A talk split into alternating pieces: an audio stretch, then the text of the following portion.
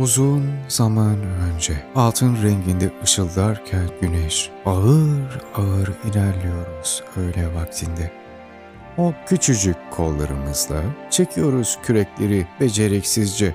Amaçsız gezintimize bir yön verebilmek için boşuna çabalıyoruz ufacık ellerimizle. Ah, hain üç. Böyle bir saati, böylesine hülyalı bir günde. Yalvarmak anlatılacak bir masal için öyle bir fısıltıyla ki kımıldatamaz en hafif tüyü bile. Fakat zavallı bir ses karşı koyabilir mi? Hem de üç tane dile. Şimşek gibi atıldı buyurgan birinci. Emretti. Masal başlasın. Sakin bir sesle belirtti dileğini ikinci.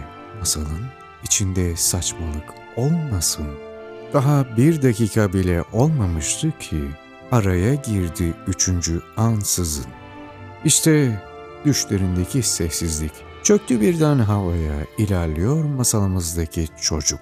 Bu yeni ve olağanüstü harikalar diyarında kuşlarla ve hayvanlarla dostça konuşuyor. Pek azı insansa da doğruluğuna. Masalın sonuna yaklaşırken düş gücünün kuyuları kurur. Sonraya saklamak için masalın gerisini. Gittikçe zayıflar masalcının sesi. Devamı bir dahaki sefere. Bir dahaki sefere ve mutlu seslerin yerini alır gözyaşları. Harikalar diyarının öyküsü işte böyle gelişti. Yavaş yavaş, bölüm bölüm.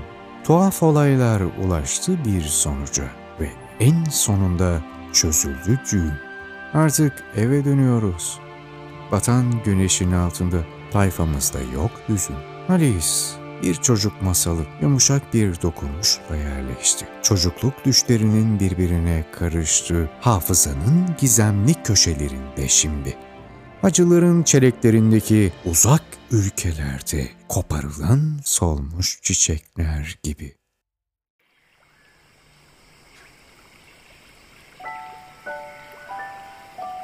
Alice nehrin kıyısında ablasıyla birlikte yapacak hiçbir şey olmadan oturmaktan sıkılmaya başlamıştı. Bir iki kez uzanıp ablasının okuduğu kitaba göz attı. Fakat kitapta hiç resim ve konuşma göremeyince içinde resim ve konuşma olmayan bir kitap ne işe yarar ki diye düşündü. Tam bir papatya tacı yapmanın ayağa kalkıp papatya toplama zahmetine değip değmeyeceğini düşünürken elinden geldiğince düşünmeye çalışıyordu. Çünkü sıcak hava uykusunu getirmiş, onu aptallaştırmıştı.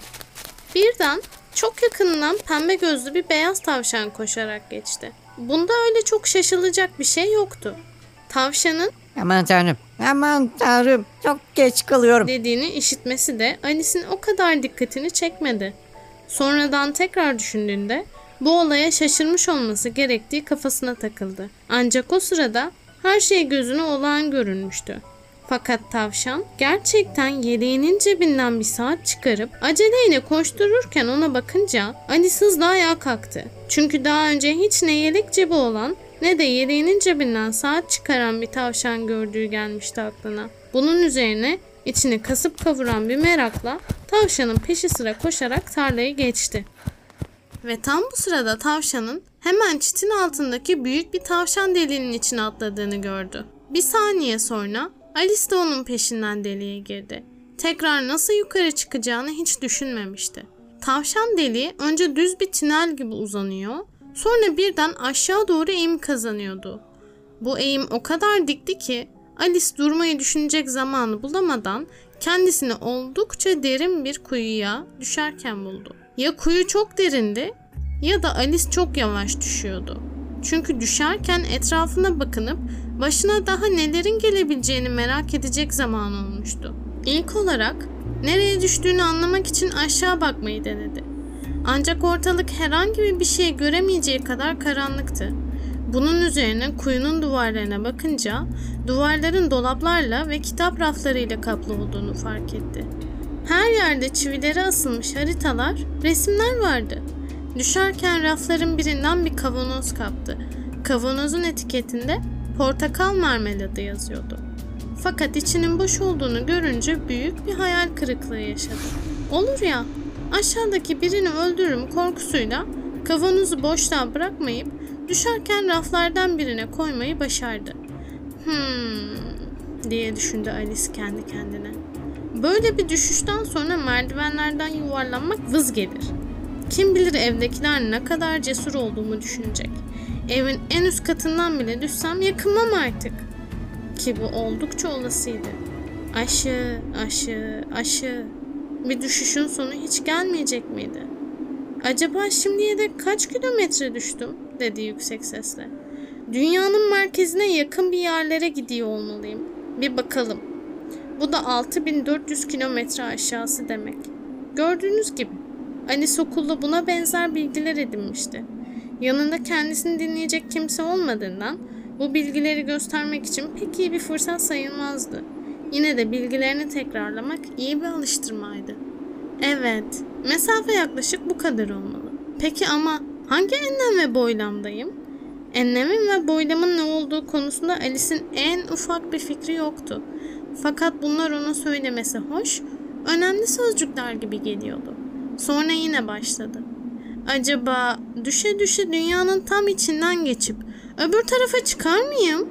Baş aşağı yürüyen insanlar arasında biti vermek kim bilir ne kadar eğlenceli olur. Antipatiler dinliyor galiba. Yanında kendisini dinleyen kimsenin olmadığına seviniyordu. Çünkü bu sefer doğru sözcüğü söylediğinden kuşkuluydu. Olsun, onlara hangi ülkeden olduklarını sorarım. Sayın hanımefendi, acaba burası Yeni Zelanda mı? Yoksa Avustralya mı? Böyle konuşurken reverans yapmayı denedi. Boşluktan düşerken reverans yaptığınızı düşünsenize. Sizce becerebilir miydiniz? Böyle sorarsam ama da cahil bir küçük kız diye düşüneceklerdir. Hayır, en iyisi sormamak. Belki oranın neresi olduğunu bir tabeladan falan okurum. Aşı, aşı, aşı. Yapacak başka hiçbir şey yoktu. Bu yüzden Alice biraz sonra yeniden konuşmaya başladı. Öyle görünüyor ki Dinah bu gece beni çok özleyecek. Dinah kediydi. Umarım çay saatinde önüne bir kap süt koymayı unutmazlar. Ah sevgili Dina, keşke şimdi yanımda olsaydın. Korkarım boşlukta fare bulamazsın. Fakat belki bir yarasa yakalardın. Biliyorsun, yarasalar farelere çok benzer. Acaba kediler yarasa yer mi? Alice'in uykusu gelmeye başlamıştı. Rüya görüyormuş gibi kendi kendine konuşmaya devam etti. Kediler yarasa yer mi? Kediler yarasa yer mi? Hatta ara sıra yarasalar kedi yer mi diye soruyordu. Görüyorsunuz ya her iki soruya da yanıt veremediğinden nasıl sorduğunun pek bir önemi yoktu. Alice içinin geçtiğini hissetti. Rüyasında Dinah'la el ele yürürken onunla ciddi ciddi konuşuyordu. Dina, bana doğruyu söyle. Sen hiç yarasa yedin mi? Tam bu sırada çat pat Alice aniden bir çalı çırpı tepeciğinin üstünde buldu kendini ve düşüş sona erdi. Alice en ufak bir acı hissetmedi ve hemen ayağa kalktı. Başını kaldırdı. Fakat yukarısı çok karanlıktı. Önünde başka bir uzun koridor uzanıyordu ve aceleyle koridorda ilerleyen beyaz tavşanı hala görebiliyordu. Yitirecek bir dakikası bile yoktu. Alice rüzgar gibi peşinden gitti ve tam köşeyi dönerken tavşanın Kulaklarım, ah, bıyıklarım. Çok geç kaldım. dediğini duydu. Anis tavşana epeyce yaklaşmıştı. Fakat köşeyi döndüğünde tavşan gözden kayboldu. Kendisini tavandan sarkan bir dizi lambanın aydınlattığı basık ve uzun bir salonda buldu. Salonun her yanında kapılar vardı. Ancak hepsi kilitliydi. Alice her bir kapıyı tek tek deneyip üzüntülü bir halde ortaya yürüdü ve buradan tekrar nasıl çıkacağını düşündü. Birden tamamen camdan yapılmış üç bacaklı küçük bir masayla karşılaştı. Masanın üzerinde küçük, altın bir anahtardan başka bir şey yoktu. Alice hemen bunun koridordaki kapılardan birine ait olabileceğini düşündü. Fakat o da ne? Ya anahtar yuvaları çok büyüktü ya da anahtar çok küçüktü. Her iki durumda da anahtar hiçbir kapıyı açamazdı. Ancak salonu iki kez turlayınca Alice daha önce fark etmediği alçak bir perde gördü. Perdenin ardında yaklaşık 40 santim boyunda küçük bir kapıyla karşılaştı. Altın anahtarı bu kapıda denedi ve büyük bir mutlulukla anahtarın kilide uyduğunu gördü. Alice kapıyı açtığında ardında sıçan deliğinden geniş olmayan dar bir geçit gördü. Dizüstü çökünce geçidin o güne kadar gördüğü bahçelerin en güzeline uzandığını fark etti. O karanlık koridordan çıkıp parlak çiçeklerden oluşan tarhların ve serin çeşmelerin arasında dolaşmayı çok istiyordu. Ama bu kapıdan başı bile geçmezdi. Başım kapıdan geçse bile diye düşündü zavallı Alice. Omuzlarım geçmedikten sonra ne işe yarar ki? Keşke bir teleskop gibi kısılı bilsem. Nasıl başlayacağımı bilseydim bunu başarabilirdim bence. Gördüğünüz gibi Alice kısa zamanda o kadar çok sıra dışı olay yaşamıştı ki pek az şey ona gerçekten olanaksız gibi görünüyordu. Küçük kapının yanında durup beklemenin bir anlamı yok gibiydi. Bu yüzden Alice belki başka bir anahtar ya da insanlara bir teleskop gibi kısalmayı öğreten bir kitapçık bulurum umuduyla masaya döndü. Bu kez masada küçük bir şişe buldu. Daha önce şişe burada değildi, dedi Alice. Şişenin boynuna bağlanmış ipin ucunda üzerinde büyük süslü harflerle beni iç yazan bir etiket sallanıyordu. Beni iç demek kolaydı tabi. Fakat akıllı küçük Alice bunu hemen yapmayacaktı. Hayır dedi. Önce üzerinde zehir yazıp yazmadığını bir bakacağım. Çünkü Alice daha önce yanan, yabani hayvanlar tarafından yenen ve başlarına daha pek çok kötü olay gelen çocuklarla ilgili güzel öyküler okumuştu. Tüm bunların nedeni onların arkadaşlarının kendilerine öğrettiği basit kuralları anımsamamış olmasıydı. Örneğin eğer kızgın bir ocak maşasını uzun süre tutarsanız eliniz yanar ya da bıçakla parmağınızı çok derinden keserseniz genellikle kanar. Alice'in unutamadığı bir diğer kural da üzerinde zehir etiketi olan bir şişeden fazla içmenin er geç insana zarar vereceğiydi. Ancak bu şişenin üzerinde zehir etiketi yoktu. Bunun üzerine Alice tadına bakmayı göz aldı.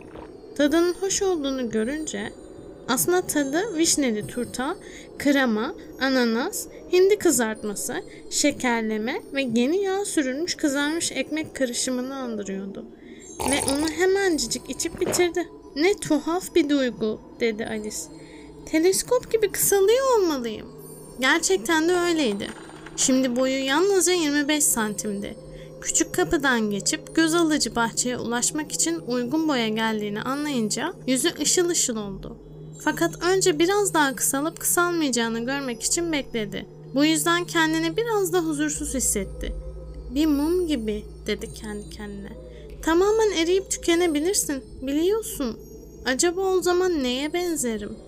Bunun üzerine mum söndüğünde bir mum alevinin nasıl görüneceğini hayal etti. Çünkü daha önce böyle bir şey gördüğünü hiç hatırlamıyordu. Bir süre sonra daha fazla bir şey olmadığını anlayınca bir an önce bahçeye girme kararı verdi. Fakat eyvah!